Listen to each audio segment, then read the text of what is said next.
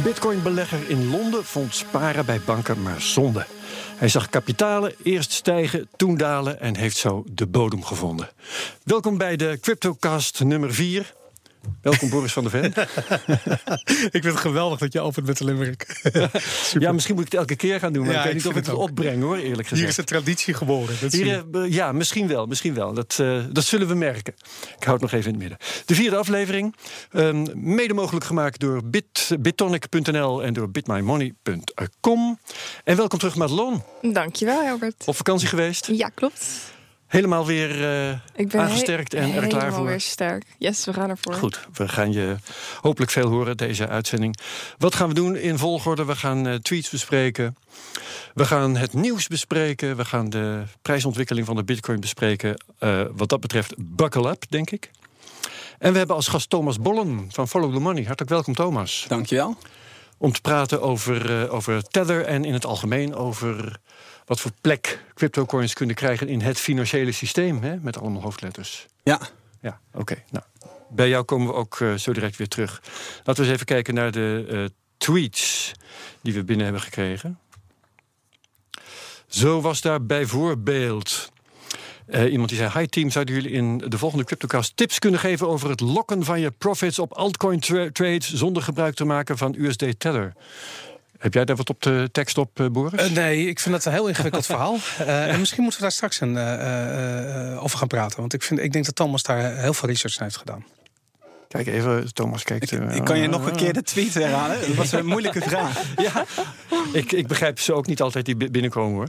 Hi team, zouden jullie in de volgende CryptoCast tips kunnen geven over het lokken van je profits op altcoin trades zonder gebruik te maken van USD Tether?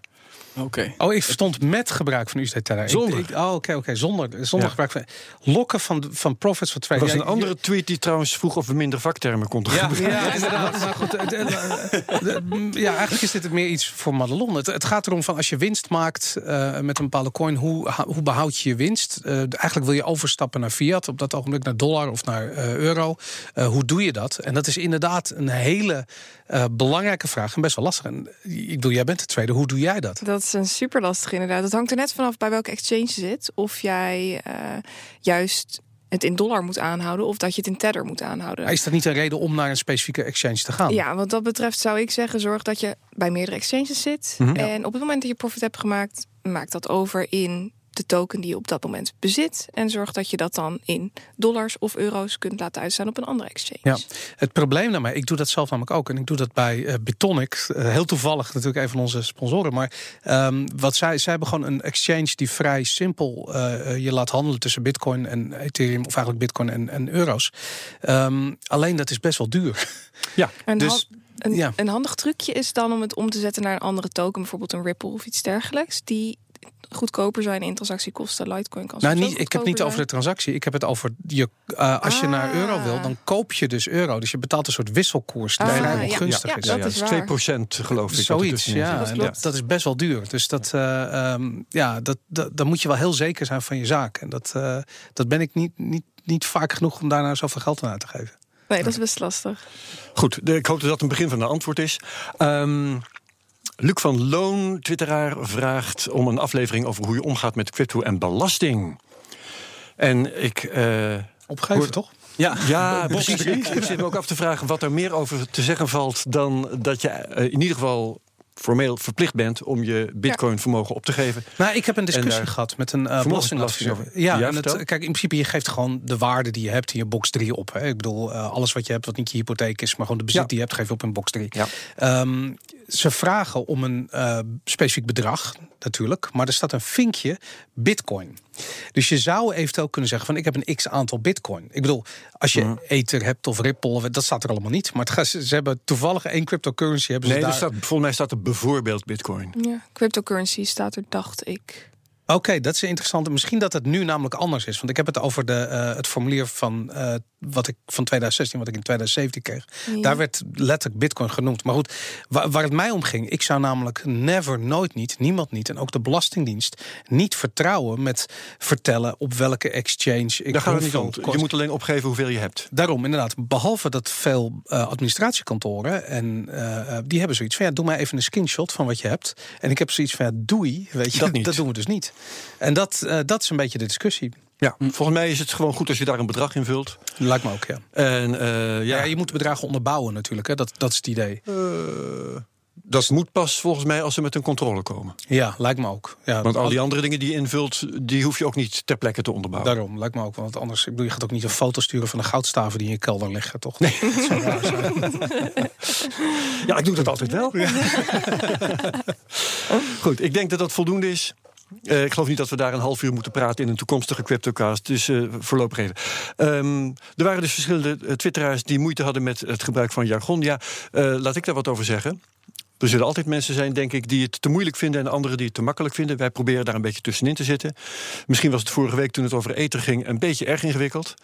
Ehm, niet waar, Boris? Ik zal mijn best doen om het, om het iets rustiger aan te doen. Maar ik, ik, heb zo, ik Ja. vind het heel moeilijk om rekening te houden met mensen die misschien iets niet weten. Kijk, als ze zeggen dat ze iets niet weten, dan kunnen we het over hebben. Maar misschien iets niet weten van een heel scala aan termen die voorbij komen, vind ik lastig. Ja. Want ik, ik zie nu al zo meteen een gesprek over Tether, waar natuurlijk de termen weer in de ronde gaan vliegen. Ik zal het proberen een beetje te Ehm, bewaken. Ja, misschien is dat. eh, ik, ja, ik ga dan mee in het, het moment. en ik wil het gesprek voeren. Dus dat, dat Nee, ja, er zijn mensen die eh, niks weten en wat willen leren. En zijn andere mensen die al wat weten en nog meer willen leren. Of in ieder geval het op hun eigen niveau graag voorbij horen komen. Daarom. En we proberen zoveel mogelijk mensen eh, eh, een plezier te doen. Maar het lukt natuurlijk niet altijd om iedereen wat dat betreft naar de zin te maken. Ja.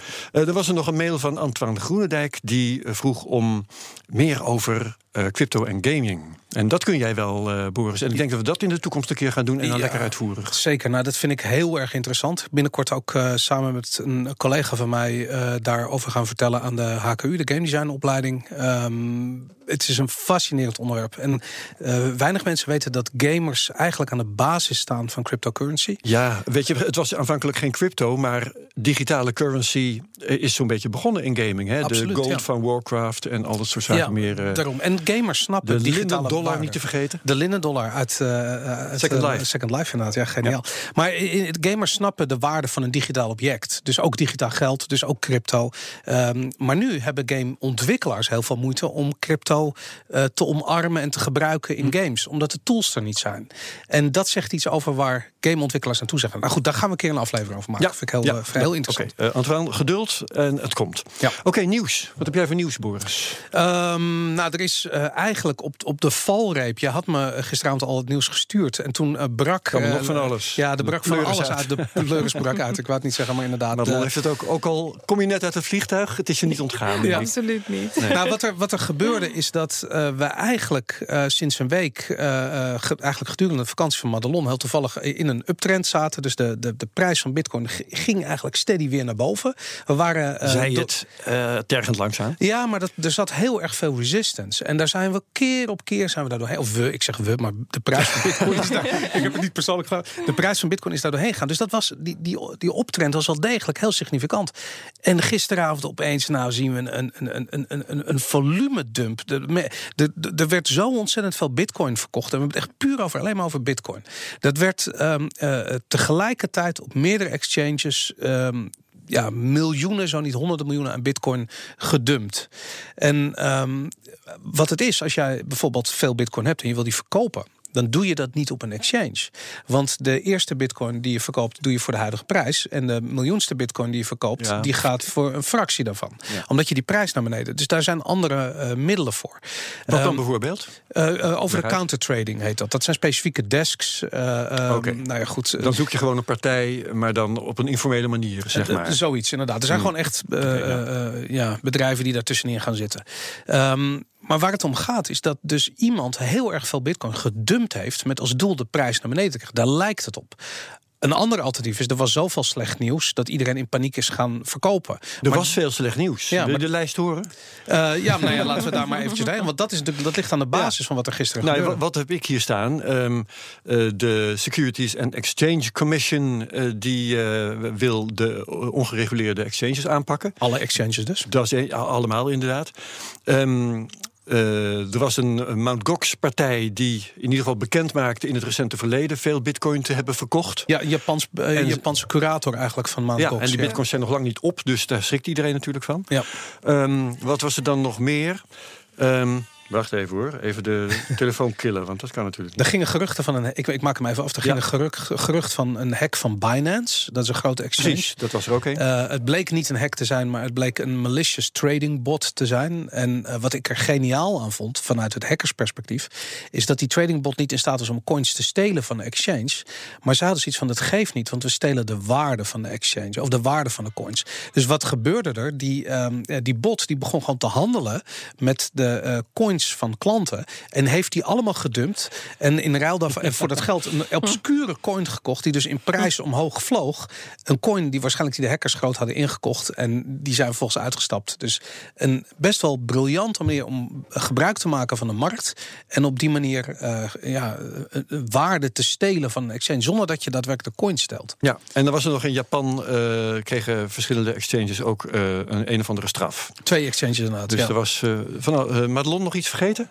Was er nog meer slecht nieuws? Dit was al het slechte nieuws wat ik eh, afgelopen Ja. tien uurtjes gehoord heb. Ja, maar dan nou, denk goed, je, daar denk- krijgt de koers dus wel klappen van. ja, de- denk je dat de koers daar klappen van krijgt? Of Nou, denk je dat. Het- Als ik naar de grafiek kijk, is het heel opvallend om te zien dat eh, gisteravond, rond een uurtje of elf, dat er toen ineens een heel grote, groot, ja, grote spike was in het volume. En dat hebben we eigenlijk al een maand niet meer gezien. En de afgelopen keer dat dit gebeurde, is de koers enorm naar beneden gegaan met ongeveer 2000 dollar. Maar dat hebben we nu helemaal niet gezien. Dus de koers is nog relatief stabiel gebleven voor de hoeveelheid nieuws wat er naar buiten Dat bespraken we vorige week trouwens ook. Dat eh, we intussen zoveel slecht nieuws om ons oren hebben gehad... dat het niemand meer veel kan schelen. Ja, daar lijkt het ja. wel een beetje op. Dat we Ja. een beetje moe worden van het slechte nieuws. En dat, ja, Who cares? Ja. ja precies. Die vorige eh, spike trouwens, waar je het net over had, Mhm. dat was die eh, Japanse curator van eh Mount Gox, die op dat ogenblik dus 400 miljoen Ja. dollar aan Bitcoin en Bitcoin Cash aan het verkopen was. En die, die krijgt nu de schuld,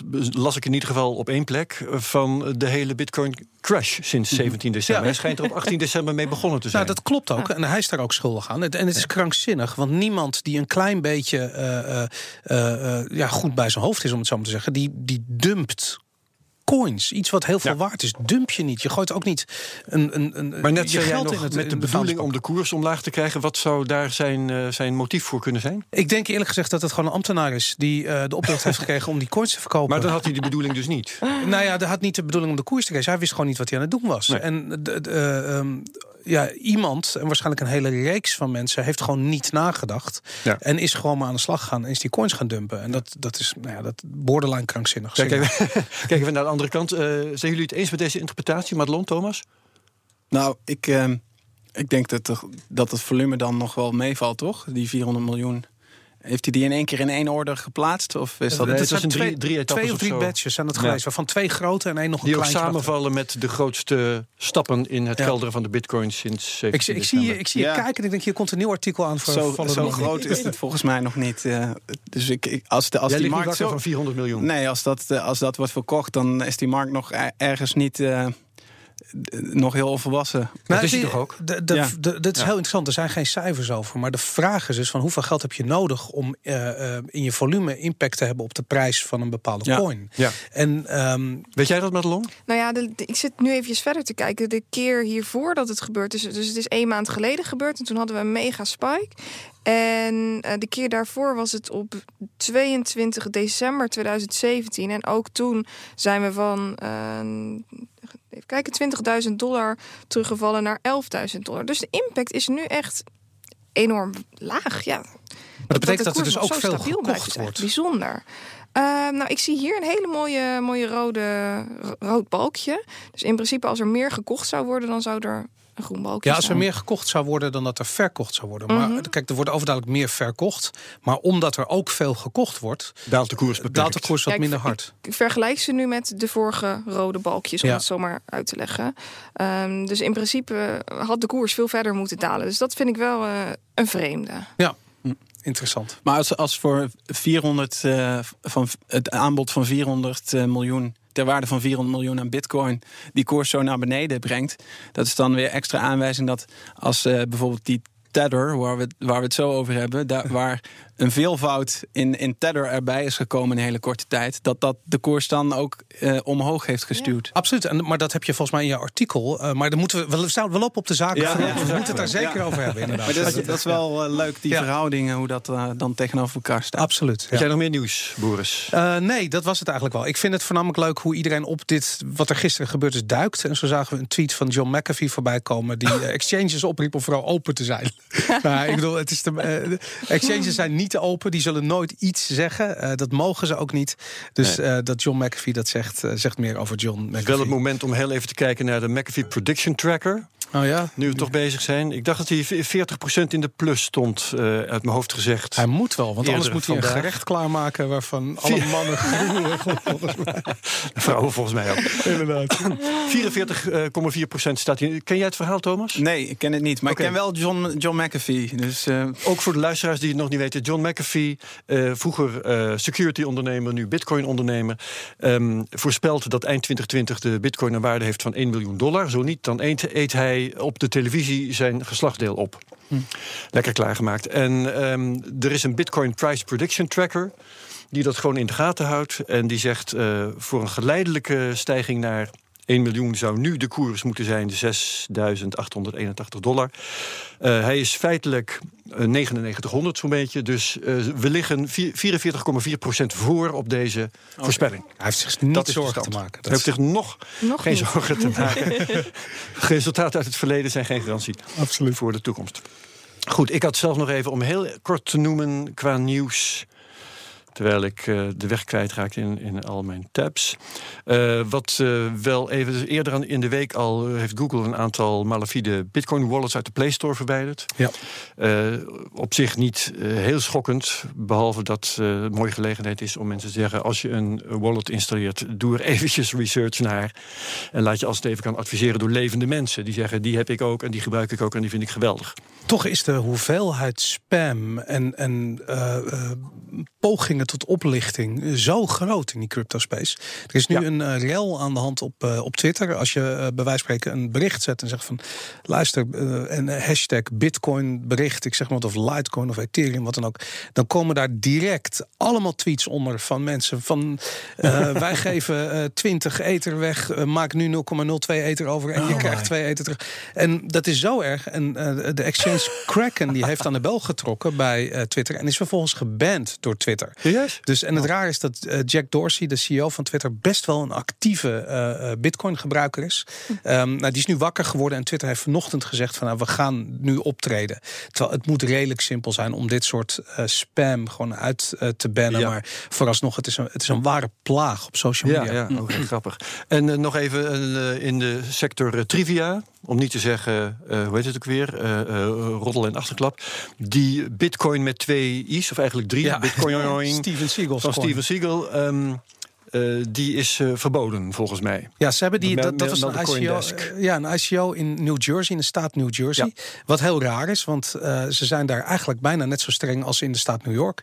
en ze hebben een cease and desist afgegeven. En eigenlijk, als je vandaag dag een ICO doet, doe je dat niet meer in Amerika. En zeker niet met Amerikanen, want de SEC gaat nu echt hard optreden daartegen. Ja, Interessant en leuk. Uh, Thomas Bollen, onze gast van vandaag, heb jij uh, nog nieuws? Je had ook nog wat volgens mij. Ja, ik heb, ik heb um, eigenlijk gewoon twee voorpagina artikelen van gisteren van de Volkskrant. Dat ging namelijk over de afschaffing van cashgeld. Dat in heel veel gemeenten ja. uh, dat je nog alleen maar met pin kan betalen. Ja. Dat is bizar. En, en ja. vandaag is er veel ophef over uh, de ING-topman Hamers die 50% loonsverhoging krijgt. Ja. En dan meteen ook parlementariërs die zeggen, ah, we gaan, je moet debat overkomen. En ik vind dat altijd heel opvallend uh, dat als, als er zo'n schandaal is. Dan, uh, dan moet er een debat komen en dan uh, gaat het over dat ene salaris of over de bonussen. Ja. Maar aan de andere kant verplicht de overheid in sommige plekken mensen om te gebru gebruik te maken van een bankrekening. En kan, heb je dus ook geen alternatief uh, meer van een publiek geld, van, van gewoon cashgeld. Maar moet je gewoon een, een bankrekening openen. En, en dat is giraal privaat bankgeld wat je dan Ja, moet gebruiken. ja. En dat vind ik een heel interessant eh, eh, vlak waar, waar dat heel inconsistent is. Ja. En dat raakt ook heel erg aan de cryptocurrencies. Hè? Want eh, eh, ja, met je cryptocurrencies kan je nog niet eh, je paspoort afrekenen. Nee. Eh, Maar over dat, dat, on- wacht even, zullen we het over dat onderscheid eh, Ja. privaat giraal geld en eh, openbaar cashgeld en dit, gaan we straks uitgebreid praten. Oké, Ja? ja, tuurlijk, absoluut. Ja, Precies, anders dan, anders dan komt Madelon in de verdrukking en ik vind dat hij nou aan de beurt is. Ja, Ja. prijs. Want de prijs, nou we hebben ook al een tipje van de sluier opgelicht. hè. Ik heb al een klein beetje verteld. Ja. Ehm, nu had ik het twee weken geleden erover dat ik dacht, of althans dat ik op de grafiek kon zien dat de koers ietsje naar beneden zou gaan. Nu is Mhm. de koers een heel klein stukje naar beneden gegaan, waarna die langzaam opliep tegen mijn verwachting in. En eh, terwijl de koers opliep, zagen we dat het volume afliep, wat volgens de Dow-theorie. ehm, niet juist is, om het zo maar te zeggen. De Dow-theorie geeft aan dat het volume de trend moet bevestigen. En dat was in dit geval dus niet zo. En dat betekent pas op. Want op het moment dat de koers een top bereikt, wat we konden zien aan de divergentie op de RSI. Ik heb eh, vanochtend een stukje live. Over, eh, wacht even, vakterm alarm. De RSI, de relatieve sterkte-indicator, is dat. Oké, En eh, daarop kun je de sterkte van de koers zien. En op het moment dat de RSI naar beneden loopt, dus het, de toppen van de RSI naar beneden lopen, maar de toppen van de koers omhoog lopen, dan betekent het die laatste top die hij gemaakt heeft, dat is het moment dat we moeten gaan verkopen. En dat zagen we ook. En dat was toevallig gisteravond ehm, ietsje eerder dan ehm, de verkopen, de, de echte hoge volumes. Dat begon ietsje eerder en daarna is de koers inderdaad ook naar beneden ge- gevallen. En wat we nu zien is dat er een dubbele top is gevormd. En dat patroon geeft vaak aan dat, er, dat we nog verder naar beneden gaan. En mocht dat het geval zijn, dan zouden we terug kunnen gaan naar 7800 dollar. Nu zie ik op dit moment dat we een hele sterke, eh, ja, een heel sterk supportniveau hebben rond de 9490 dollar. Ehm, ik hou deze in de gaten, deze, dit, deze supportlijn. Mochten we hier doorheen zakken, dan kunnen we dus naar 7800. Ik heb het grote plaatje er ook nog even bij gepakt.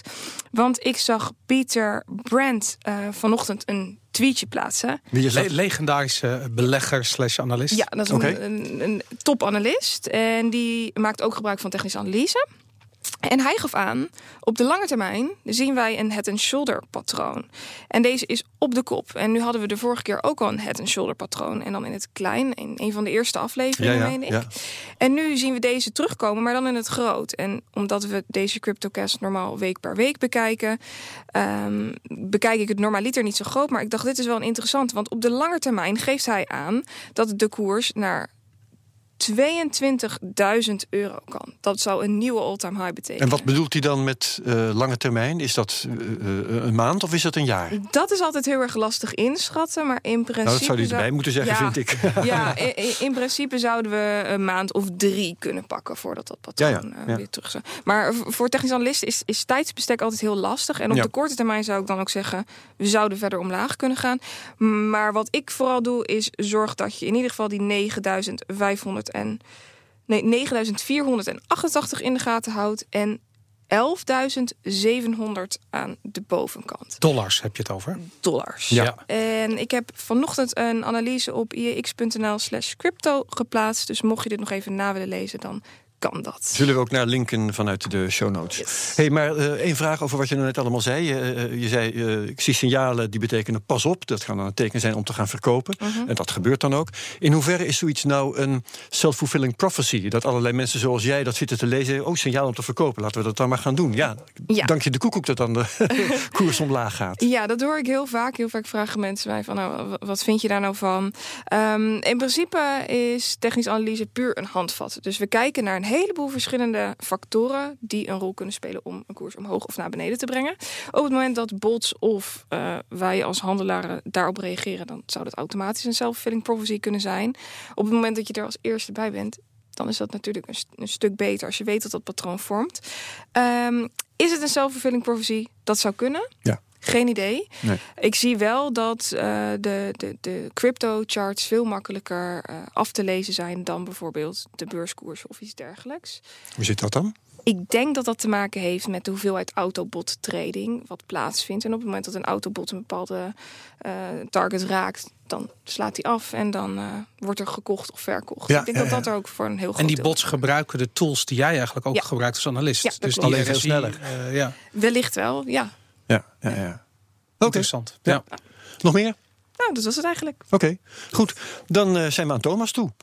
Thomas. Gingen wij het niet nog even hebben over onze wedstrijd? Oh, verdomme. Die, die vergeet ik Onze, vandaag. onze, Ja. wa- wat, ja. Tot nu toe, dat is een leuke, ook een leuke traditie. Elke eh, eh, uitzending, elke podcast, minstens één onderwerp vergeten. Ja, eh, dat ook. misschien, misschien verdring ik het wel, want nou, dat zal zo Ik heb het ook al gedaan. Maar Herbert, toen wij begonnen aan dit, eh, eh, dit, dit, dit spel wat we hebben... en ik, ik zal het even kort uitleggen. We zijn begonnen aan deze podcastserie... allebei met du- duizend eh, dollar. En die zijn we eh, gaan steken in verschillende projecten. Fictief, Fictief. natuurlijk allemaal. We zijn geen beleggers. Even nog even waarschuwing. Alles wat wij zeggen is geen beleggingsadvies. Nee, maar slecht voor de gezondheid. Onze bescheiden mening. Blijf uit de buurt. Doe niet wat wij doen. En dat gaan we letterlijk aantonen. Want het is een dramatisch eh, verloop van onze eh, fictieve euro's eh, aan het worden.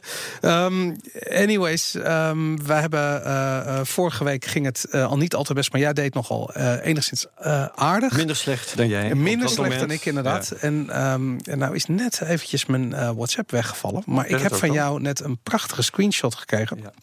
En die ga ik even bijzoeken. Van wat jij ehm eh Ik ga je vertellen dat het nu nog erger is. Maar, Het is nog erger, ja? Nou ja, mag, ik- mag ik je telefoon? Ik- Ja, zeker wel. Even van jou af te kijken. De waarde van, jou, eh, van jouw portfolio op dit ogenblik is 795 eh, eh, dollar. 61 om precies te zijn. De afgelopen 24 uur is er 7,5% van afgegaan. Ehm, ja. Ik moet zeggen, dat was vorige week stond ik al op 600 dollar. Maar goed, daar ga ik het zo over hebben. Ehm, eigenlijk dat- alle coins die je hebt. Ik ga ze even snel opnoemen. Je hebt Cardano, Bitcoin, Bitcoin Private heb je cadeau gekregen als forkcoin. En Bitcoin Private is is 5 dollar aan Bitcoin Private. heb ik 5 geloof dollar ik. Bitcoin Private. Bitcoin Private is eh, eh, nu in ieder geval genoteerd qua prijs aan KuCoin, aan de KuCoin Exchange. Vandaar dat je die prijs eh, ook nu te zien krijgt. Ehm, je hebt eh, Elastos. Ik vond je. hem nog niet in de eh, crypto, eh, eh, de coin market cap. Klopt, staat hij ook nog Ja. niet. Omdat hij niet officieel verhandeld wordt. Maar toevallig Blockfolio heeft dan een prijs die ze krijgen. Ja. Eh, je hebt een beetje Ethereum. Dat is eh, nog het beste gerendeerd met een min van 3,28 procent. NIO eh, ruim 10 procent in het niks. En, ja, en eh, die stond vorige week nog ruimschoots in de plus. Ja, nou ja, Dus, eh, inderdaad. is veel meer gebeurd. Uiteindelijk. Maar Walton Chain die, die, die topt het allemaal af met een min van 14,5 procent. En eh, ja, dat is, eh, dat is knap. Groot feest. Groot Zij zijn niet hersteld van het drama van vorige week. En dat is op zich, ehm, Nee. dat is op zich best wel opvallend. Eh, ik heb best wel wat ehm, geld gestoken in ehm eh, Z Classic eh, vorige week, de week daarvoor al. In de hoop dat de Bitcoin Private Fork wat zou opleveren. En dat eh, betekent dus dat iedereen die Z Classic kreeg, die kreeg een Bitcoin Private cadeau. Nou, nu zou ik daar de vruchten van moeten plukken. En dat doe ik ook een klein beetje. Dus, dat, dus die kan ik er nu gelukkig bij pakken. Ehm, dus ik ga eventjes de screenshot van mij. Ik heb op dit ogenblik um, Z Classic heb helemaal verkocht. Heb ik niks meer van. Wat ik overhield, dat heb ik in V-Chain gestoken. Dat is volgens met eh, bijna 12% de min ingegaan. Daar is nog maar eh, 84 dollar van over van de 116 eh, die ik erin had gestoken. Ehm uh, ik heb nog uh, ja, de, de helft van het bedrag had ik in bitcoin gestoken. Die staat op min 7 procent. Um, nou goed, daar is eigenlijk wel 500 uh, dollar en 42 cent van over. Dus sinds we begonnen zijn, heb ik daar dus 42 cent op verdiend. Uh, maar ik heb dus die, die 3,18 bitcoin private die ik kreeg door mijn Z Classic. Die is op dit ogenblik um, met een prijs van 167 dollar 91 uh, op KuCoin. In totaal 533 dollar 94 waard. Jij staat nu gewoon in de plus. In mijn hele portfolio is op dit ogenblik 1118 dollar 95. Dus ik nou, heb bijna 200 dollar winst. Ja, het en het geheim daarvan is dus gewoon geweest... Uh, voor één bitcoin kreeg je één uh, bitcoin private. Ja. En voor één Z Classic kreeg je bitcoin, één bitcoin private. Maar omdat ja. die Z Classic zo goedkoop was... Ja, die was toen 100 dollar of zoiets. Heb je daarmee geld verdiend? Daarom, daar heb ik dus 60 dollar per Z Classic verdiend ja. in feite. En ja, drie keer 6 is 18, dus dat is ongeveer mijn winst die ik tot nu toe gemaakt heb. Maar om heel eerlijk te zijn, we zijn nu drie of vier, we zijn vier weken bezig ermee. Ik, uh, ik vind het rendement echt dramatisch. Het is echt, uh, het is echt heel slecht. Je hebt in vier weken heb je 10% verdiend. Ja. En jij vindt dat dramatisch. Ja, maar dat, dat is een crypto mindset natuurlijk. Hè? Ja, ik bedoel, ja, ja, ja, uh, 10% in de maand. Kom op, Niet de moeite. Dat En dan duurt nog een op, dag, op ja. 1000 dollar. Ik bedoel, waar praat je over? Ik kan eh, wel horen dat jij Thomas. een gamer bent, zo aan eh, het enthousiasme waarmee je dit vertelt. Het is ook een spel, toch? Het is gewoon een spel. Is Ja, inderdaad. en we hebben er ook al stijk dan ruimschoots in de min, meer dan 20% Ik vind het ook hartstikke leuk. Ja. Goed zo. Thomas, je had even moeten wachten, maar nou mag jij. Jij zit hier Ja, om waar, te... waar willen jullie het over hebben? Nou ja, eh, laten we die teller hebben we nou een paar keer aangekondigd. Laten we daar maar even over beginnen. Ja, ik vind dat zo een fantastisch, fascinerend verhaal. En, ehm, Wat is de tether, Boris? Ja, laten we dat laten we heel goed laten we gaan uitleggen. Tether is een, eh, ehm, een crypto coin eh, die eh, vastzit aan de waarde van een dollar. Ehm, het idee is dat de eigenaar van Tether, het bedrijf wat erachter zit, voor elke Tether die ze uitgeven. eh, op een bankrekening 1 dollar heeft staan. Dat is de belofte die ze doen. En eh, dat is een fantastische belofte die helaas niet door niemand niet gecontroleerd kan worden. Ehm, en inmiddels zijn er zoveel tedders. En je zou kunnen zeggen van al die tedders die er zijn, dat is eigenlijk waarde die in het hele crypto universum zit. Stel dat zij nou liegen over dat ze die ene dollar op een bankrekening hebben staan voor elke tether die ze uitgeven, dan zou dat wel eens de hele eh, cryptocurrency markt kunnen ondermijnen. Waarom zijn, is het aantal tethers zo toegenomen? Nou, misschien kan Thomas dat vertellen. Ja, nou volgens mij ehm moeten we eerst nog even. Die tether is super belangrijk in die hele handel. Want eigenlijk, we, we praten over cryptocurrencies. Maar de, de echte currency die nu gebruikt wordt voor die handel is tether. En eh, na Bitcoin is geloof ik ook de hoogste handelsvolumes. Eh, er, staan, er zijn nu 2,2 miljard eh, dollar aan te- tethers. Ja. Dus ook 2,2 miljard tethers staan eruit. En het handelsvolume is, is 3 miljard eh, per 24 uur. Dus meer, dat is hoger dan, dan de waarde. Dus in verhouding wordt het echt heel veel ge- Elke gebruikt. tether gaat meer dan één keer eh, heen en Ja. weer. Ja. Dus dat is markt. eigenlijk het echte geld. Dat is de liquiditeit in die markt. De, iedereen handelt met elkaar en dan gebruikt daarvoor die tether. Ja. Dus als die belofte die daarachter zit, als die nou niet waar blijkt te zijn, ja, dan krijg je, dan, dan kan dat echt dramatische gevolgen hebben. Dan, dan, eh, ja, dan valt die, die munt in één keer weg. En dan neemt hij eh, de koers, ja, dan, dan neemt hij die andere munten met, met zich Ja. mee. Die daar maar nog even, waarom zijn er in, de laatste, in het laatste jaar of zo zoveel tethers bijgekomen? Heeft dat te maken met dat handelsvolume? Nou ja, als, als, wat, wat Tether zegt is, eh, wij, wij creëren alleen nieuwe Tethers als iemand dollars stort op onze rekening. Ehm, maar Tether eh, heeft moeite met een bankrekening eh, vast te houden. Ze zijn eh, aangepakt. Wells Fargo heeft een account gesloten in Het Taiwan. bedrijf tether bedoel Ja, je, ja. dat eh, dit tethers Nou, dat creëert? zit, dat zit Ja. vast aan een exchange. Die exchange Ja. heet Bitfinex. En dat Ja. is eigenlijk de grootste exchange ter wereld. En dat is waar het waar Tether. eh, het, laat ik zo, de mensen achter Bitfinex zijn de mensen achter Tether. Ja. Dus die Tether, ehm, eh, m- laat ik zo, iemand die een eh 10 euro eh, of 10 dollar aan Bitcoin koopt op Bitfinex, doet dat door 10 euro aan of 10 dollar aan Tether te kopen via het bedrijf Tether. En dat wordt volgens overgemaakt naar Bitfinex. Ja. En En dat, dat, staat, zeggen, dat gebeurt onder water, want dat merk je zelf niet, toch? Hè? Dat, Eh, zie je, dat zie je daar op Bitfinex zie je dat ook niet. Want er staat Nee. gewoon dat je dollars daar hebt. Ja. Maar dat is, dat is eh, de moeilijke koppeling eigenlijk tussen banken en de cryptowereld. Dat ehm, je kan, het kan niet eh, met, met giraal bankgeld makkelijk handelen. Dus als jij gewoon snel wil kopen en verkopen, hebben ze gewoon een, eh, een digitale Een munt nodig. gecreëerd. En dat is eigenlijk een hele slimme uitvinding om gewoon die, die liquiditeit in die cryptowereld eh, Ja. te krijgen. En Ja. waarom is het belangrijk dat elke tether ook echt wordt eh, eh, eh, gesteund door één echte dollar ergens op een bankrekening van het bedrijf Tether? Nou, dat, dat is het leuke. En dan kom je eigenlijk meer bij het echte bankieren. Ja. Eh, eh, vroeger hadden we natuurlijk eh, een, een bank. eh gebruikten we goud als, eh, en, en zilver. Als, Mhm. om om eh, met elkaar te handelen. En toen hebben banken die zeiden: we gaan dat voor jullie bewaren. En dan krijg je een, een papiertje mee. En daar staat op: je krijgt nog één eh, gouden munt van me. En, eh, en, en ehm, Zo is papiergeld Zo is geboren. papiergeld geboren. En daar hebben ze langzaam hebben ze uitgevonden... Hey, we kunnen meer papier maken dan we goud in de kluis. En de mensen hebben het toch niet door. Ja, Nou, net en- zoiets als luchtvaartmaatschappijen die stoelen verkopen die ze niet hebben. Oh, Nog, sorry. nog wel erger zelfs. Vergeet dit. Ga gewoon verder met je vraag. Maar dit, is- dit is dus eigenlijk hoe ons, on- hoe ons huidige banksysteem werkt. Ja. En alleen dat hebben we geaccepteerd, dat hebben we geformaliseerd als wetgeving over. Dat is allemaal prima. En ehm, het grappige is dat de, de bitcoin eigenlijk als, als aanval op het huidige bankieren is gekomen. En nu heeft Tether die heeft bedacht, misschien kunnen we dat eh, trucje nog wel overdoen. Eh, en gaan we ook gewoon zeggen dat die gedekt is. En dat geeft ook dat eh, eh, g- bepaalt die waarde van één. Het is 1 dollar waard, omdat het echt eigenlijk 1 dollar is. Dus het is gewoon Ja. de virtuele, eh, zeg, zoals dat papier eh, goud vertegenwoordigde, eh, vertegenwoordigt een tether, vertegenwoordigt een echte dollar op een bankrekening. Een echte dollar, zeg je. Dat is het ja, ironische ja. eraan. Dat, de, dus de, de vraag is van, natuurlijk van... zijn die tedders wel echt gedekt door dollars? Ja. Terwijl we zeker weten dat die dollars gedekt zijn door niks. Ja, maar, maar dat, is, dat is het hele, dat, dat is de fundamentele discussie van geld. hè. Wat is geld en wat gebruiken we als geld? En Ja. we hebben in ons huidige eh, banksysteem, hebben we, eh, ja, sinds eh, de jaren zeventig hebben we gewoon helemaal eh, dus Bretton Woods. eh, toen heeft Nixon, omdat het goud er niet, niet meer lag en mensen gingen het goud terugvragen. Toen zei hij: Oké, we gaan het afschaffen. En we hebben, we, het, het werkt in principe. eh, het vertrouwen is er in die papieren munten, in ieder geval al 50 jaar. En we, we handelen daarmee. Ehm, en ja, eh, als je naar buiten loopt, iedereen betaalt met euro's. En de meeste mensen maken zich er echt niet eh, druk over. Nee. Nou, maar wat is nou met die tether ehm, aan de hand?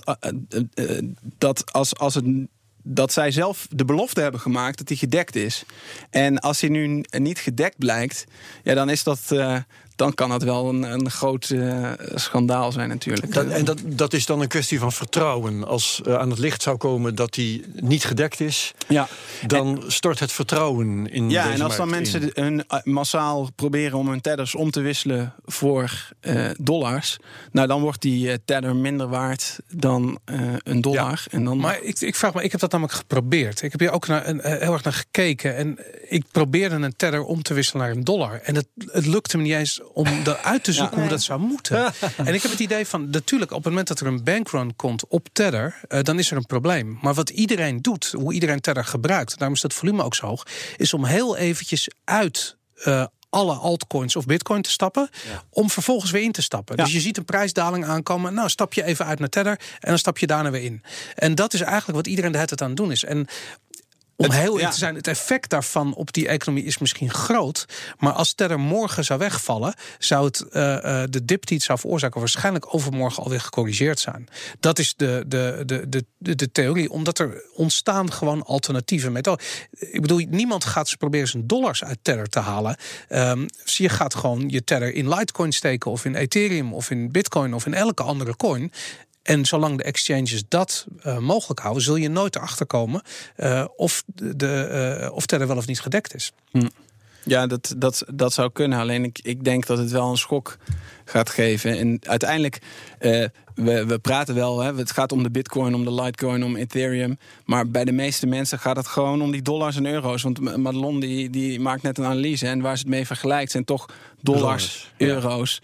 En eh, d- mensen die het echt hebben omdat ze geloven dat dit de nieuwe... eh, munt van de toekomst gaat worden. Dat is maar een klein deel. En ik denk dat heel veel mensen gewoon eh, het, het nu hebben en hopen dat het in waarde omhoog gaat. En dan lekker willen cashen. En eh, uiteindelijk die, die dollars en euro's weer op hun bankrekening hebben om er iets van te kopen. Maar Ja. over het vertrouwen, hè? Ehm, er zijn nu dus geruchten dat eh, de backing van die tether niet Ja. deugt. Eh, als er geruchten zijn over eh, de bank DSB dat die niet meer solvabel zou zijn, dan gaan de mensen hun geld Ja. al ophalen. dus waarom is dat nu bij tether niet al lang aan de hand? Dat Ja. het vertrouwen is ingestort. Ja, die, die, die wereld is. Heeft eh, Boris dan niet toch een beetje gelijk? Ja, zegt? Boris heeft ook ergens gelijk. Want die, de hele cryptowereld is natuurlijk echt een hele rare wereld. Waarin eh, soms een hele eh, cognitieve dissonantie optreedt. En mensen compleet irrationeel eh, dingen gaan doen. En eh, zelfs eh, 0,2 eh, Ethereum overmaken met, en geloven dat ze dan twee terug Ja, er zijn grotere scams dan Tether, zou je zeggen. ja. dus, maar het, het- er gebeurt zoveel rare dingen dat ze denken, nou, één, één gevalletje meer of minder maakt niet zo heel veel uit. Maar dit is, ik vind dit wel de meest interessante case, omdat het gewoon de basis onder de bitcoin zit. En als, als dit Ja. daadwerkelijk, als ze het niet dekken en ze kunnen zelf eh, dollars bij creëren. Je moet wel eh, beseffen, het zijn dollars die ze creëren. Want die tethers gaan door voor echte dollars. Dus dan doen ze hetzelfde als wat de centrale bank doet. Door extra euro's drukken. drukken en in de economie eh, steken en daar dingen mee kopen. Ja, dan gaan de prijzen omhoog. Eh, dus, dus je kan daarmee echt wel in grote volumes eh, de prijs beïnvloeden. En ja, dat, dat maakt het fascinerend. En eh, wat ook interessant is, dat, dat we dus dat het zelf zegt dat ze transparant willen zijn, maar ze zijn het niet. En de, eh, niemand weet of ze nou echt die dollars hebben. Precies, want als ze dat hebben, dan zou het volgens mij heel makkelijk zijn om dat even aan te Ja, tonen. ja, dan dat ga je, gewoon, naar, je, je maakt een printje van je internetbankieren, bij wijze van spreken. Ja, dat doen ze wel. Ze, ze hebben wel een eigen printje gemaakt. Maar dat, dat, dat- ik zou liever een onafhankelijke partij hebben... Oké, die ja, ja, even gaat kijken in de boeken of Want het niemand gelooft of dat niet gefotoshopt Ja, is. nou, ik heb dus in dat artikel op eh, Follow the Money heb ik ook een printje waarin in één keer 70 miljoen weg was. En een uur later was het, eh, was het weer terug. Maar het is natuurlijk een relatief klein bedrag. Als je het hebt over die 2,2 miljard Ja. die Tether inmiddels vertegenwoordigt, dan is die 70 miljoen. Ja, voor hetzelfde geld was iemand eventjes lunchen. En is dat, eh, eh, zijn dat eh, 300.000 Amerikanen die snel eventjes wat bitcoin wilden kopen? Je, je, je weet het niet wat dat precies is. En dat is het lastige. Je, je weet, wij weten met z'n allen eigenlijk niks, omdat die hele wereld is zo gesloten. Ehm, Ja. En ik, ik kan me herinneren dat er werd opgeroepen om een audit te doen van Tether. Ehm, en toen zei Tether zelf van nou, laat ons maar een bedrijf zien die dat wil doen. En wat bleek, alle grote kantoren ehm, op Wall Street, die dat soort dingen normaal gesproken doen voor financiële instellingen, die zeiden van luister, wij willen onze vingers niet branden aan crypto. We willen daar niks mee te maken hebben. En Is dat de reden dat er niet gewoon een eh, verslagje van een accountant komt? nou, uiteindelijk hebben ze wel een bedrijf gevonden die dat deed. En die zijn eh, volgens mij vorige, eind vorige Ja, week ja. ontslagen. Precies, die, die zijn, zijn, die hadden zijn er weggestuurd. Ja. dus dat, daar ging iets niet goed. Ja, maar dan, dan kunnen we toch eigenlijk met z'n allen concluderen... zolang het tegendeel niet wordt bewezen... kun je gewoon aannemen dat het, niet, eh, dat het geen zuivere koffie is met die teller. Maar dat, ik, ik, ben het, ik ben ervan overtuigd dat er geen zuivere koffie is. Ja. Maar aan de andere kant, eh, vorige week hebben we NIO eh, eh, door de mand zien vallen. Omdat ze toch niet zo decentraal bleken te zijn als ze zeiden. En één nood ging plat en volgens ging het hele netwerk plat. We hebben ehm, eh, volgens mij daarvoor Jota keihard onderuit zien gaan. De weken daarvoor omdat hun wallet niet bleek te werken. En transacties van confirmed naar unconfirmed sprongen. Ehm, en zo is er een oneindige van lijst van projecten die niet werken en hun beloftes niet aankomen. Dus als, als crypto-enthousiasteling heb ik echt zoiets van: oh ja, en Tether ook. Weet je, prima, fijn. En, en dat is het rare van deze wereld. Ja, maar maar, het, eh, het, het opvallende is dan wel dat die koersen van bijvoorbeeld in IOTA, noem het maar op, dat die wel allemaal ineens storten op het moment dat we daarachter komen. En bij een Tether Ja. gebeurt er eigenlijk helemaal niks. Een van de laagste koersen die ik heb gezien was 0,93 cent. Ja. En dit is natuurlijk wel een koers die 0,93 dollar. ja, dollars. Ja. Dit is natuurlijk wel een, een koers die gebaseerd is op vertrouwen. Als wij met z'n allen daar nog vertrouwen in hebben, blijft die koers rond de 1 dollar hangen. Maar dat komt omdat niemand een Tether zal verkopen voor minder dan die eh, ge- gevoelsmatige dollar. Dus zelfs als jij zou. Weet je, ik wil stel je voor dat wij hier een afspraak zouden maken. en ik verkoop jou 100 Tether voor 50 dollar. eh, dan kan dat alleen maar zo. Dat zou op een exchange niet eens kunnen. Nee. En dat is natuurlijk de, de vraag van. eh, omdat Bitfinex, de grootste exchange, zo dicht tegen Tether aan zit. Hoe komt het dat die Tether maar die ene dollar waard blijft. Is dat werkelijk zo dat het geloof in die waarde van 1 dollar zo belangrijk is en, en blijft? Of zit er gewoon een algoritme achter op eh, Bitfinex die gewoon zegt van nou we schommelen tussen de pakken met 90 cent en 1 dollar 10, Ja. eh, maar meer niet. En dat is hoogstwaarschijnlijk aan de hand. Dan zijn ze echt centrale bankje aan het spelen. Da- da- maar dat is, dat is het hele probleem daarvan. Ja. Kijk, we, we- de, de, de belofte van crypto is natuurlijk een decentrale oplossing voor een eh, centraal gecentraliseerd probleem. En dat is namelijk fiat, currency en centrale banken. En vervolgens hebben we een partij die opstaat en die begint centrale bankje te spelen. Dat is, dat is vervelend. En alleen daarom heb ik al zoiets van hoe eerder die, eh, eh, die gasten weg zijn, hoe beter. Eh, alleen het liefst met zo weinig mogelijk schade. En dat is natuurlijk waar iedereen eh, een beetje op zit te wachten. Van, gaat die bom barsten of waait het over? Gaan we gewoon allemaal praten we gewoon eventjes niet meer over Tether en gaat het, gaat het dan wel weg? Ehm, en dat is de vraag van wat gebeurt er? Ja. Ja. En Ja, en die, die- die koers, het, het is of 1 of 0. Dat is een beetje binair daar. Als, als het vertrouwen weggaat, dan, dan, gaat, dan weten we de, de dollars zijn er niet. Dan krijg je waarschijnlijk echt eh, dat die, ja, dat vertrouwen weggaat. Gaat, en dan eh, is die tether gewoon niks meer waard. Ehm, maar wat, wat nog opvallend was, want toen vroeg je net... Hè, hoe, hoe, hoe zijn die eh tethers dan in één keer... ehm, eh, de markt ingekomen, want er waren er veel minder. Ja. Maar juist toen de Bitcoin-koers eh, naar beneden ging, en net daarvoor, in, die enorme piek naar de 20.000 dollar toe, eh, toen zijn er heel veel tethers bijgekomen. En eh, juist eh, dat was het moment waarop ze geen officiële bankrekening meer hadden. En hadden ze zelf gezegd: in de, de, de komende tijd zullen we, verwachten we niet dat er eh, veel tethers bijkomen. Eh, dus waar, waar het dan op lijkt, is dat, ehm, dat op het moment bijvoorbeeld mensen hun bitcoin verkopen en da- daar inderdaad een saldo op zo'n beurs voor aanhouden in, in die eh, Tether. eh, dat zij dan eh, daar nieuwe munten voor hebben uitgegeven. Ja. En ehm, wellicht de, de bitcoins ergens via een andere exchange waar je wel gewoon nog in, in echte dollars handelt. Ik geloof dat er bij Coindesk is en bij Kraken kan je dat dan doen. Ehm, en dan zou, dus, zou het kunnen dat ze daar dan de, de verhandelde eh, bitcoins die zij hebben gekregen in ruil voor die nieuwe tethers weer verkocht hebben en die dollars dan op hun rekening hebben gestort en dat Ja. het dan ergens nog wel staat. Maar zelfs dat zou compleet tegen hun eigen regels zijn, want hun, hun eigen belofte is: we creëren alleen een nieuwe tether als iemand geld, eh, dollars of euro's op onze rekening stort. Ja. En ehm, ja, dit, dit hele spel, het, het is natuurlijk fascinerend. Want er, er is ook nog een andere reden waarom ze wellicht eh, het allemaal wat geheimzinniger doen. Dat ze gewoon bang zijn dat de autoriteiten uiteindelijk gaan optreden. Want je noemde het net al de SEC, hè, de, de Amerikaanse AFM, eh, de autoriteit eh, financiële markten. Die daar toch wel steeds meer gaat zeggen: hey, die ICO's, dat zien wij toch wel als eh, securities. En het zijn ehm, eh, money transmittances. Dus de, de beurzen zijn. Moet gereguleerd worden. ja, daar, daar moeten we aan voldoen. Ja. Precies. Ehm, en, en dan is Tether natuurlijk wel een heel. Dat is een heikel punt. Want het is eigenlijk gewoon een digitale dollar die door een aparte partij is, is gecreëerd. ja. Het zijn valsmunters. Dat zijn valsmunters. Dat Ja. kan dan de autoriteit, de autoriteit gaan zeggen. En dat hebben ze in het verleden ook gedaan. Want je hebt een aantal voorbeelden van. eh, eh, voordat de- deze hype met cryptocurrencies. Met de. Hoe heet ze? De, de, eh, Die, gold, wat, wat, wat het nou? DigiGold had je, DigiCash. En de. Liberty Dollar en de Liberty Reserve. Ja, ehm, ja. Dat, dat was Ja. ook zo'n. eh, Daar kon je dan eh, je geld storten. En dan kon je via hun systeem kon je naar elkaar overmaken. Voor DigiGold is volgens mij ook echt iemand Ja, naar de klopt. gevangenis ja, gegaan. en de, de, de, de ehm, Liberty Reserve ook. Daar zijn, die zaten in Puerto Rico. Die deden helemaal niet aan klanten scannen. Dus daar kon je gewoon een miljoen eh, even overmaken. En dat was dus allerlei witwaspraktijken. En Fantastisch. die mensen zijn allemaal eh, veroordeeld. Hey, jij, jij hebt in jouw artikel, eh, ja, je, er stond één ding in wat we niet wisten op dat ogenblik. Wat echt wereldnieuws is geworden ook. En dat is namelijk dat de officiële bank, en daar werd heel veel over gespeculeerd welke bank dat was. De officiële bank van Tether bleek gewoon keihard de ING Ja, te zijn. ja.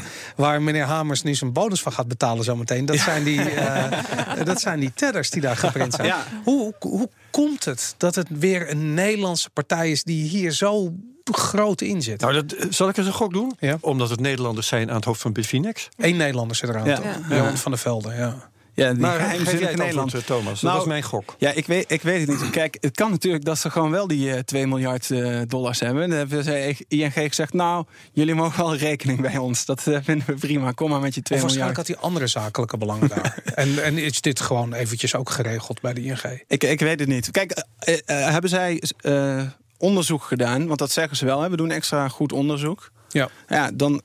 Of ze weten meer dan wij. Ze hebben wel eh, eh, gewoon. Het zou gek die zijn als ze niet meer weten ze meer dan Ja. wij. Ik bedoel, ze kunnen de rekening zien. Ja, dus of er staan gewoon geld en, en Tether doet eh, voor, voor de buitenwereld zijn ze wat geheimzinnig, maar naar ING toe laat ze gewoon zien dat alles in orde is. Ja. Of ING doet zijn werk gewoon eigenlijk niet goed qua controle en denkt gewoon eh, Wat denk je zelf? prima. Ja, dit, is- dit wordt eh, speculeren. Ik weet, het- ik weet Duik het je hier nog in voor Follow the Nou, het, me probleem is, het probleem is dat de ING daar niks over kan zeggen, omdat het een cliënt van hen is. Dus, Mhm. Maar ik vond het in ieder geval heel grappig dat de analisten van ING zelf, Teunis Broosjes, die specialist is op cryptocurrencies, die zegt: Nou, er gebeuren daar hele rare dingen met Tether. En ondertussen heeft, heeft Tether wel een rekening Ja. eh, bij de ING geopend. Ik, ik heb namelijk wel een theorie. Ik denk namelijk dat de ING gewoon ontzettend veel geld verdient aan het volgende. En dat is namelijk dat ehm, eh, er staan wel 2,2 miljard eh, eh, dollar op die rekening. Maar dat geld is voor het overgrote gedeelte geleend van de ING. Dus dat is een lening die met rente wordt terugbetaald. Want het zou voor geen enkel bedrijf sens maken om gewoon ontzettend veel cash geld op de balans te hebben staan. Terwijl je het gewoon kan uitgeven aan Ja. Lambo's voor de deur bij wijze van spreken. Lamborghinis of dure whatever. En eh, met de bank een, een lening af te sluiten met als onderpand een klein deel van dat geld. Zodat je met de rest kunt ondernemen. En elke ondernemer zou zo naar kijken. En ik kan me niet voorstellen dat, eh, eh, dat ze dat niet gedaan hebben. Want het zou namelijk exact hetzelfde hetzelfde uh, betekenen. Namelijk dat die, dat die dollars daadwerkelijk op die rekening staan. Alleen dat er op de balans vervolgens een lening tegenover staat van pak een beetje 2 miljard. Ja, lekker belangrijk. Weet je, die, die dollars staan op die rekening. Dus als jij je dollar terug wil, dan zou dat in theorie kunnen. Um, iedereen is blij. Uh, het bedrijf kan ondernemen, heeft een gigantische uh, zak geld. ING is blij, want die vangt de rente. Um, en de gebruikers hebben eigenlijk niks te klagen, want het geld staat op de rekening. Ja. Nou, hebben ze dan niks te klagen? Is het dan niet één groot piramidespel? Want die rente die moet toch ergens van betaald worden? Op het moment dat er geen nieuwe toetreders meer zouden zijn, waar wordt dan die rente van betaald? Maar waar wordt rente sowieso van betaald? Dat is het hele probleem met rente met arbeid. Dat is het enige wat wij kunnen doen om een bedrag wat we lenen terug te betalen met rente. Ja, dat is waar. Dus- maar op het moment dat jij als bedrijf zijnde geen inkomsten meer vangt, want zij vangen natuurlijk inkomsten doordat dat volume blijft doorgaan, mm dan kunnen ze hun rente niet meer betalen. En dan is die, die 2,2 miljard dus eigenlijk helemaal niet meer gedekt. Nee, dat klopt. Maar dat, wat je nu omschrijft is het probleem met centrale banken en elke economie. Absoluut. En daarom is het, dat is het ironische ervan, dat er nu dus een gecentraliseerd probleem, wat je hier omschrijft, wordt geïntroduceerd in crypto. En terwijl crypto de belichaming moet zijn van een decentrale oplossing. Ja. Maar vind jij dat een plausibele theorie, Thomas, van nou, Boris hier? Ja, kijk, als, als zij gewoon dat geld echt hebben, dan is ING gewoon blij met de funding. Want dan hebben ze gewoon uh, eh, 2 eh, miljard uh, van een een, een deposito, ja, maar deposito erbij. zegt nou juist, ja, maar dat, dat is gewoon.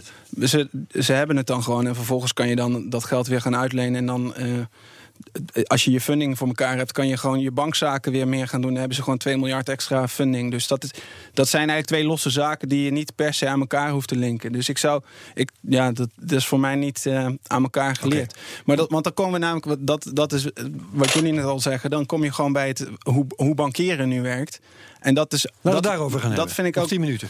Um, uh, dat is de essentie van wat, wat cryptocurrency in, in potentie anders maakt. Um, um, met uh, bankieren zoals we dat nu kennen. En dan kom je dus bij, bij, meer fundamentele zaken. We hebben het net al even over goud gehad. En over gemeentes en, en belasting. Ja, en je moet dus nu uh, de belasting of uh, de, je paspoort kan je nog alleen maar afrekenen in, uh, met, met een bankpasje. Dus dan heb je giraal bankgeld. En dat, dat noemen wij allemaal euro's. En dat is ook een euro. Um, maar eigenlijk is het een heel andere euro dan de cash-euro die, je die je uit de muur kunt trekken. Want die, dat cashgeld dat is uitgegeven door de centrale bank. Ja. Dat heeft eigenlijk de rol van goud vervangen. Dus we, we, we vertrouwen zo erg in onze uh, regering, overheid en centrale bank. Dat we dat zien als een soort van basis. Wij noemen dat gemakshalve echt geld. Echt geld. En daarbovenop, en dat is eigenlijk 95% van al het geld wat we gebruiken. Uh, doen we dat met, met banktegoeden. Je maakt uh, ja, je pint in, in, de, in de winkel, je maakt naar elkaar digitaal geld over. Wat is daar anders aan? Nou, dat is dus giraal geld. Dat is eigenlijk een lening aan de bank. En dat is ook precies dat deposit van uh, potentieel van, van Teller. Als, als jij je geld op een bank hebt staan, dan is dat jouw geld, denk je. Maar dat is eigenlijk niet zo, want het is een lening aan de bank. Alleen noemen we het niet zo. Dus het is heel Overigens wordt dat geld wel uitgegeven, ook door de centrale bank natuurlijk. Ik bedoel, zelfs al is het te goed van een bank zelf. De bank kan het aanmaken, uh, maar het komt op de balans uiteindelijk te staan uh, van uh, het grotere geheel. En dat is iets wat gecontroleerd wordt door centrale banken. Nou, nou de. de, de um, nee, de, de private bank, die ING. Um, die haalt zijn, zijn funding op in de markt. Maar die creëert ook nieuw geld door een lening te verstrekken. En vervolgens kan degene die het geld geleend heeft, die kan dat dan wel weghalen bij de ING. Maar dan zet hij het bijvoorbeeld bij de Rabobank neer. Dus in dat systeem creëer je zo uh, meer geld. En dat wordt alleen beperkt door uh, reserve. Uh, ratio's die ze aan moeten houden. Ja. En kapitaaleisen. Dus, dus het, het is niet zo dat uh, de centrale bank die geeft cashgeld uit en centrale bankreserves. Maar nu wordt het heel technisch. Dus volgens ja. mij moeten we daar weg, weg van blijven. Maar dat is, maar dat is veel kleiner dan de hoeveelheid geld die wij op onze bankrekening hebben staan. Dus een heel groot deel van dat geld is niet uh, centrale bankgeld, maar dat is private bank, commerciële bankgeld. En dat is het geld wat wij gebruiken. En dat is het geld dat um, als de bank failliet gaat, dat je dan kwijt bent. Terwijl de euro's in je zak, die Precies. Uh, raak je niet kwijt en je uitgeeft. Dat is de oorzaak van, van een, uh, een, een, kredietcrisis, zoals we dat bijvoorbeeld in 2008 hebben gehad.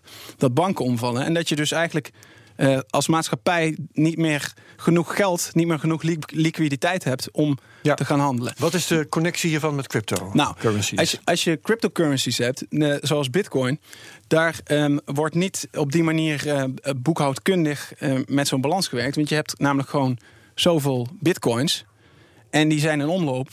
En daar staat niks tegenover. Dus een bank die heeft die, die tegoeden hè, die, die wij als deposito op onze rekening hebben staan. Dat is de funding van de bank. En daar tegenover staan de bezittingen van de bank.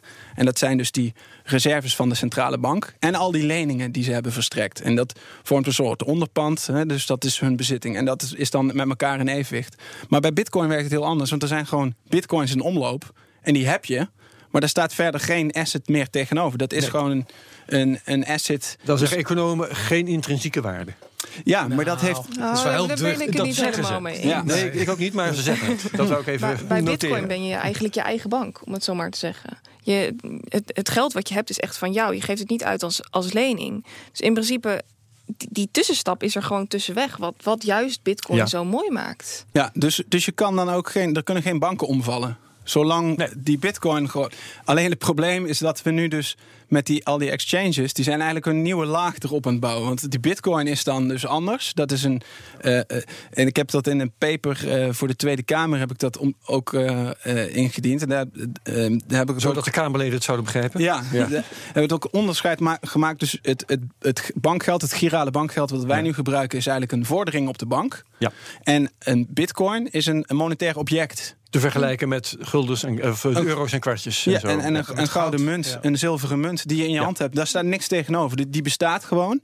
En ja, is die, is daar, zit daar intrinsieke waarde aan? Die zilveren munt, als wij die met elkaar eh, gebruiken als, als eh, currency, dat is ook die, in- dan heeft het eigenlijk weinig met die eh, fysieke waarde van zilver Ja, de- in de- industriële De vergelijking zou eigenlijk nog beter zijn met een nikkelen munt. Hè, want die heeft aan metaalwaarde nog eens veel minder dan een gouden of zilveren munt. En die gebruikten we toch ook. Ja, dus het gaat om Even, vertrouwen. even nog even over wat er op de balans staat. Want dat is namelijk denk ik een van de problemen van Tether. Dus laten we er even van uitgaan dat er bij de ING 2,5 of pak hem bij 2 miljard...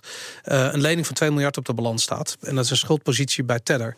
Op het moment dat de SEC straks eh, onderzoek gaat doen... en beslag legt eh, hier in Nederland, en dat kan gewoon, eh, op die rekening... en zegt van luister, deze tussen aanhalingstekens criminele organisaties... zijn valsmunters en die hebben geld uitgegeven wat niet mag. Vervolgens leggen ze beslag op dat geld. Ehm, wie gaat de ING dan terugbetalen? Want dat is denk ik namelijk waar de echte schade zit. Die rekening komt gewoon weer keihard, zoals bij elke crisis en zoals bij iedereen te liggen bij de, eh, in eerste instantie bij de aandeelhouders van de bank en vervolgens gewoon bij de mensen die Belasting eh, betalen. belasting betalen. Ja, maar ik denk niet dat ING dan meteen omvalt als, als uh, Nee, 2 miljard is te klein. Maar ja, goed, we, zijn, Dus, we zijn eh, aan het begin. Hè, van de, ik voor hetzelfde geld is Tether straks 20 miljard. Dat even los, los van Tether, ehm, dat is een van de dingen die jij noteerde in je, in je position paper. Ehm, wat er op dit moment circuleert, wat, wat de, de cryptocurrency-markt waard is, is geen systeemrisico. Nee. Heb jij de Kamerleden voorgehouden.